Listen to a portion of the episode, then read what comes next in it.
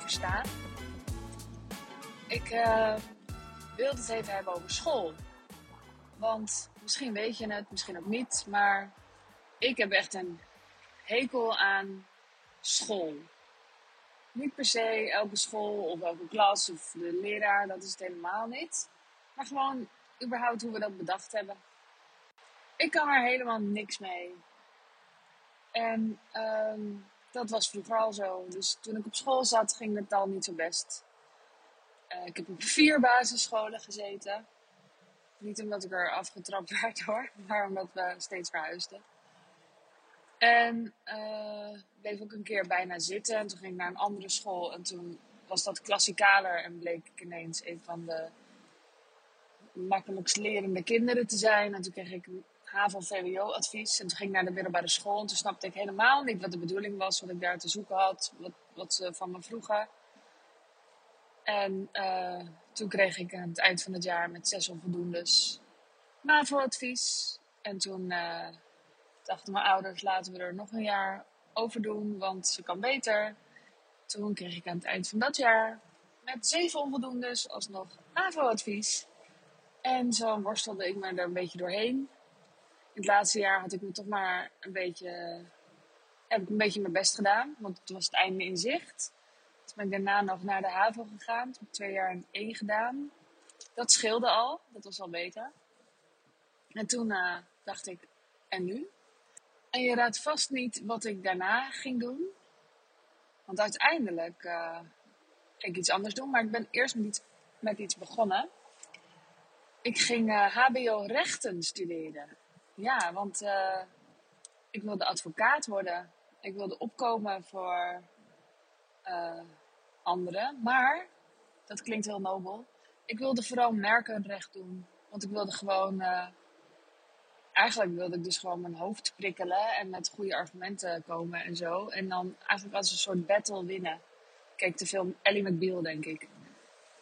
Nou, die studie uh, was echt saai.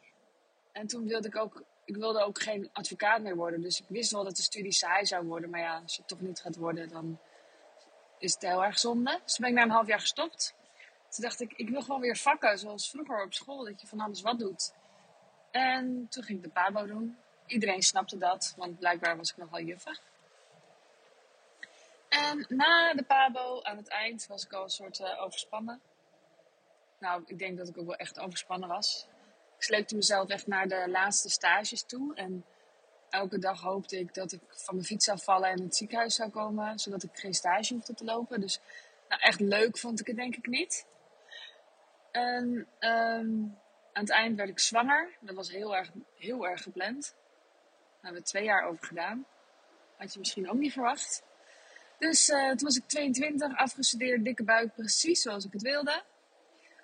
En toen zat ik thuis. En toen dacht ik, ja, nu wil ik ondernemen. En toen uh, ging ik met mijn baby, want die werd op een gegeven moment geboren, uh, een beetje administratie erbij studeren. Nou, dat ging dus natuurlijk ook niet. Ik had gewoon een paar mappen van iemand geleend. Echt verschrikkelijk. Verschrikkelijk. Het is ook wat als je denkt dat dat ondernemen is. Dus ergens voelde ik dat ondernemen me past. Maar ik dacht dus dat het op zo'n manier moest. Alsof met een administratie ik ineens een goede ondernemer was of zo. Geen idee. En ik wilde, wat wilde ik? Ik wilde een eigen textiellijn. Biologisch was toen echt nog heel erg nieuw. Dus er waren dan twee bedrijven of zo die dat al deden. Ik wilde uh, biologische kinderproducten maken. Ik had daarvoor trouwens ook al een uh, onderneming. Want mijn moeder had uh, een tijdje een winkel, een paar jaar. En toen had ik bedacht dat ik uh, kraamcadeaus ging maken. Maar dan wel vanuit haar winkel. En dan betaalde ik zodra ik, zodra ik dat dan verkocht had. En had ik een webwinkeltje. Nou, dat deed ik. Maar na een aantal manden opsturen vond ik er helemaal niks meer aan. En toen ging ik um, dus voor die biologische kledinglijn. Ik weet niet eens meer waar dat nou gestrand is. Oh, ik weet denk ik wel waar dat gestrand is. Want ik voelde de druk heel erg oplopen om uh, geld te gaan verdienen, om te werken. Daar werd wel heel erg op gestuurd door deze en gene. En um, toen uh, was ik al begonnen om mijn dochter naar de opvang te brengen. Ja, en toen werd ik gebeld of ik wilde opvallen, uh, invallen op de, in de kinderopvang op de BSO. Toen uh, dacht ik, dat doe ik dan één dag. Want toen gingen ze mij helemaal inwerken.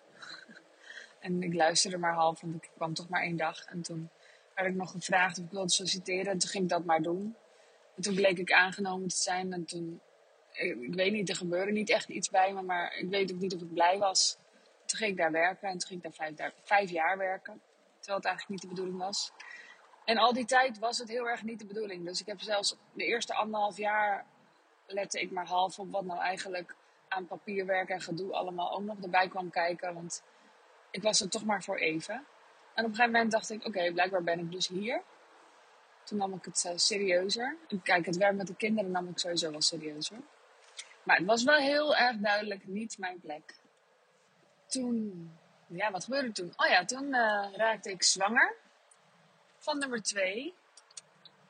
En op een gegeven moment wist ik natuurlijk wanneer mijn verlof zou zijn. Toen was het crisis. Toen werden ontslagrondes na ontslagrondes na ontslagrondes. En op een gegeven moment dacht ik, nou, ik hoop dat ik bijna aan de beurt ben. Want dan ben ik ontslagen en dan kan ik lekker thuis zitten en dan heb ik wat WW. En nou ja, zo ging ik gewoon afwachten.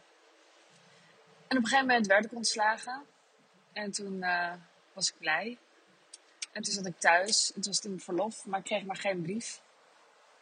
En uh, toen belde ik toch maar eens van, hè, wat is... Oh nee, of, ze belde mij. En toen zei ze, ja, er was iets misgegaan met, uh, met het regelen. En, uh, en er zijn ook weer veranderde omstandigheden. Dus ehm, je kunt gewoon blijven. Toen moest ik dus terugkomen. En dat was het moment dat ik eindelijk, eindelijk eigenaarschap nam. Dat ik eindelijk dacht, ja maar wacht, dat wil ik niet. En toen nam ik zelf ontslag. En uiteindelijk kreeg ik dus ook toen WW en dat wist ik niet. Maar ik had me ook even kunnen inlezen. Hè? Dat, uh, dan had ik het wel geweten. Dat ik niet had hoeven wachten, maar dat ik gewoon zelf ook had kunnen regelen. En in, met wederzijds goed vinden had je dan WW. En dan had ik een paar maanden om te overbruggen. Om van kind, waar ik al lang mee begonnen was. Al uh, toen mijn baby een jaar was. Uh, om daar een succes van te maken. Een financieel succes, want het was al wel een succes, vond ik. Maar financieel succes is iets anders. Het was een hobbyproject. En het is echt zo goed voor mij geweest dat ik dat besluit zelf moest nemen. Dat ik er zelf voor moest kiezen om te stoppen.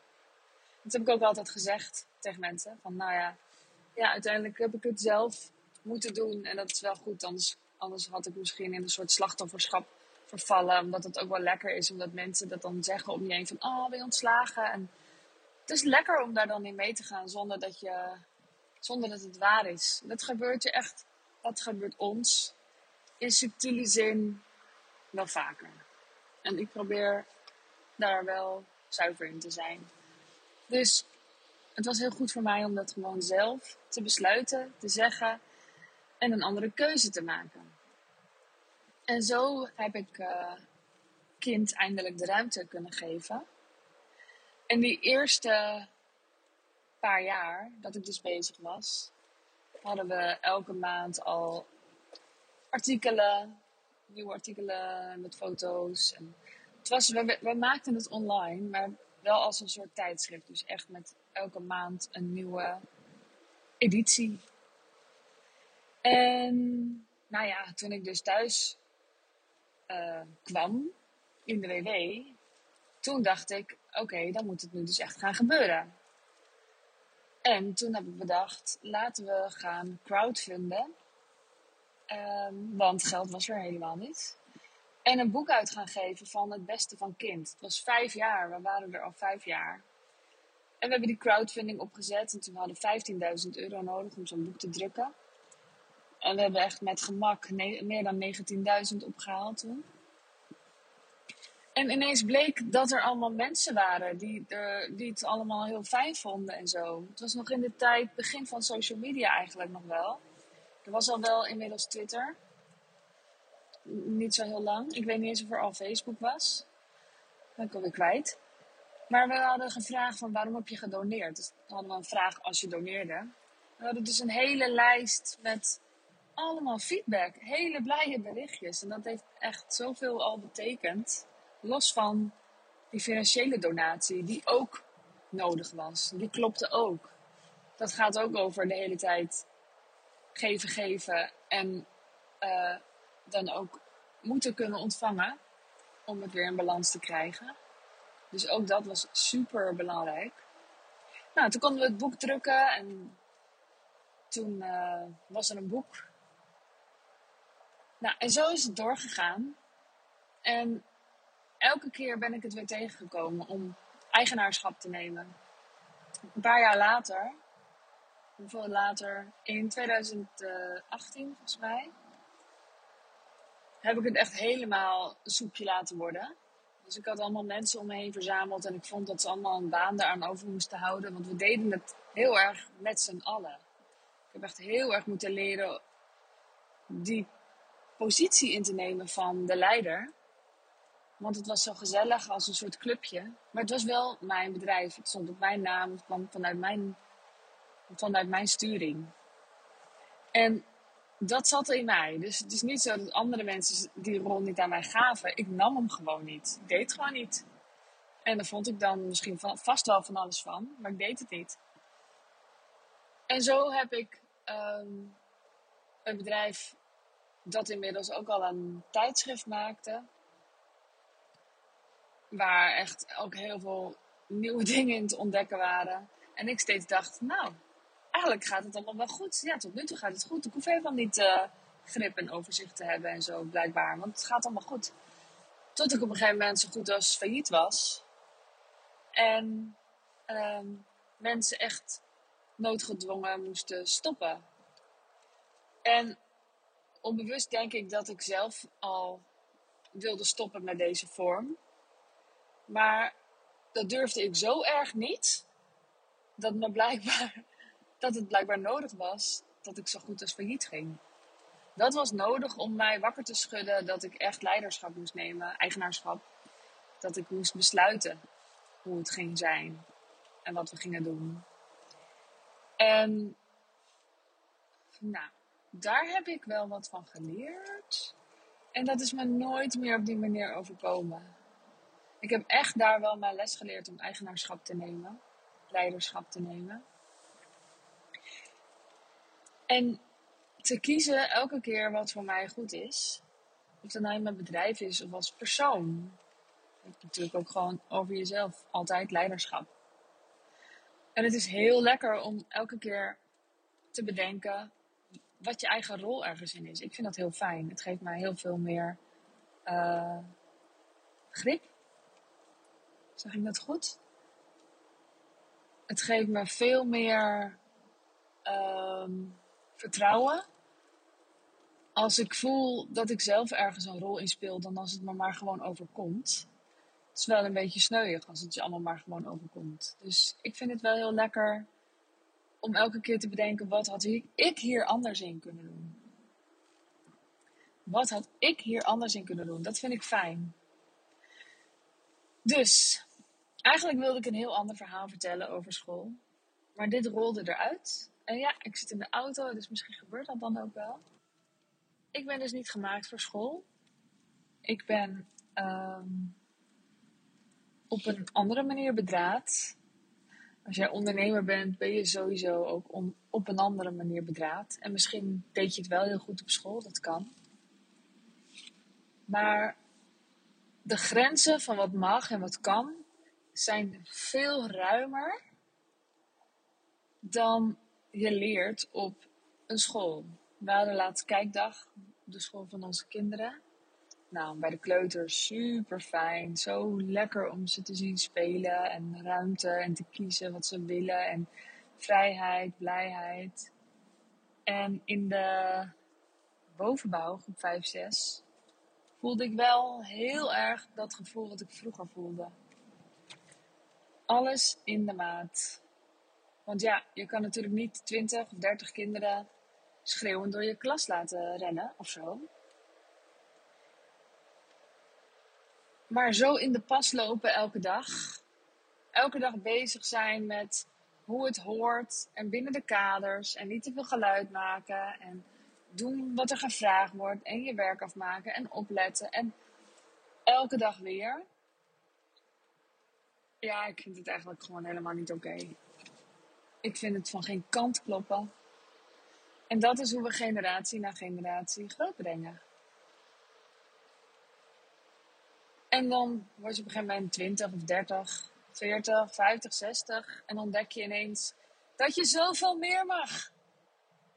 Dat er zoveel ruimte is. Dat er zoveel kan en, en, en leuk is. En fijn is om te ontdekken. En, en dat je niet de hele tijd gefocust hoeft te zijn op waar je niet zo goed in bent. En dat dat dan beter moet. Maar dat je gewoon kan kijken, waar heb ik zin in? Waar krijg ik energie van? Wat vind ik leuk? Wat wil ik ontdekken? Wat wil ik proberen? Wat lukt er nog niet goed? Maar kan ik uh, onderzoeken of dat leuk is? Of gewoon doen? En ik moest aan dansen denken. En daar geldt precies hetzelfde voor. Ik heb het idee dat heel veel mensen denken, voelen, denken, ergens een overtuiging hebben dat je goed moet kunnen dansen om te dansen. En dat zij niet goed kunnen dansen omdat ze niet goed kunnen dansen of zo. En dan doen ze het maar niet. Maar ik denk, dansen, ja, dat is net zoiets als lopen. Dat gebeurt gewoon vanzelf. En het enige wat je ervoor hoeft te doen, is je daaraan overgeven. Gewoon dan maar lelijk dansen. Je gaat juist mooier dansen, om maar even een waardeoordeel te geven. Je gaat juist mooier dansen als jij lelijker durft te dansen. Want dansen gaat om vrijheid en ruimte nemen en soepel bewegen en juist niet nadenken. Dus als je maar een beetje volgt wat er komt en um, ja, in de overgave ja, dat is echt het goede woord. In de overgave het loslaat. En, uh, en om jezelf kan lachen. En om er gewoon plezier te hebben. Wat ik altijd een stom woord vind, maar daar gaat het wel om. Gewoon plezier hebben. Zin erin hebben en het doen.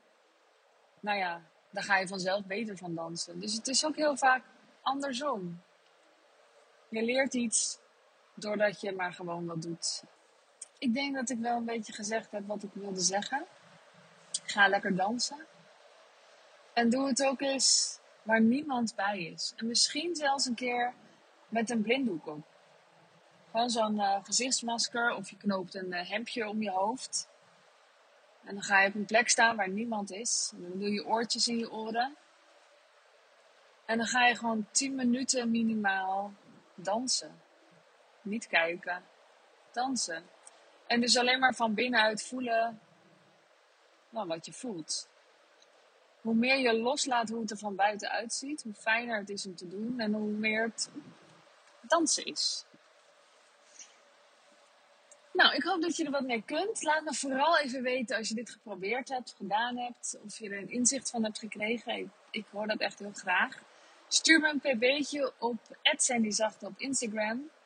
En mocht je meer willen weten over mijn jaarprogramma, ook dan, stuur me een pb. Ik vertel je het graag. Dat begint op uh, eh, 11.11. En uh, als je nu instapt, dan heb ik nog iets voor je. Ik wens jou een hele fijne ochtend, middag, avond, nacht. En tot de volgende keer. Doei doei!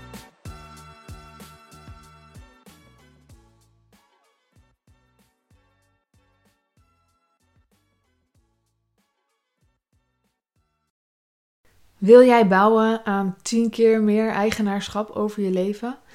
Wil je dat door middel van zelfvoorzienend leven in het kleinste zin van het woord, ondernemerschap en persoonlijk leiderschap?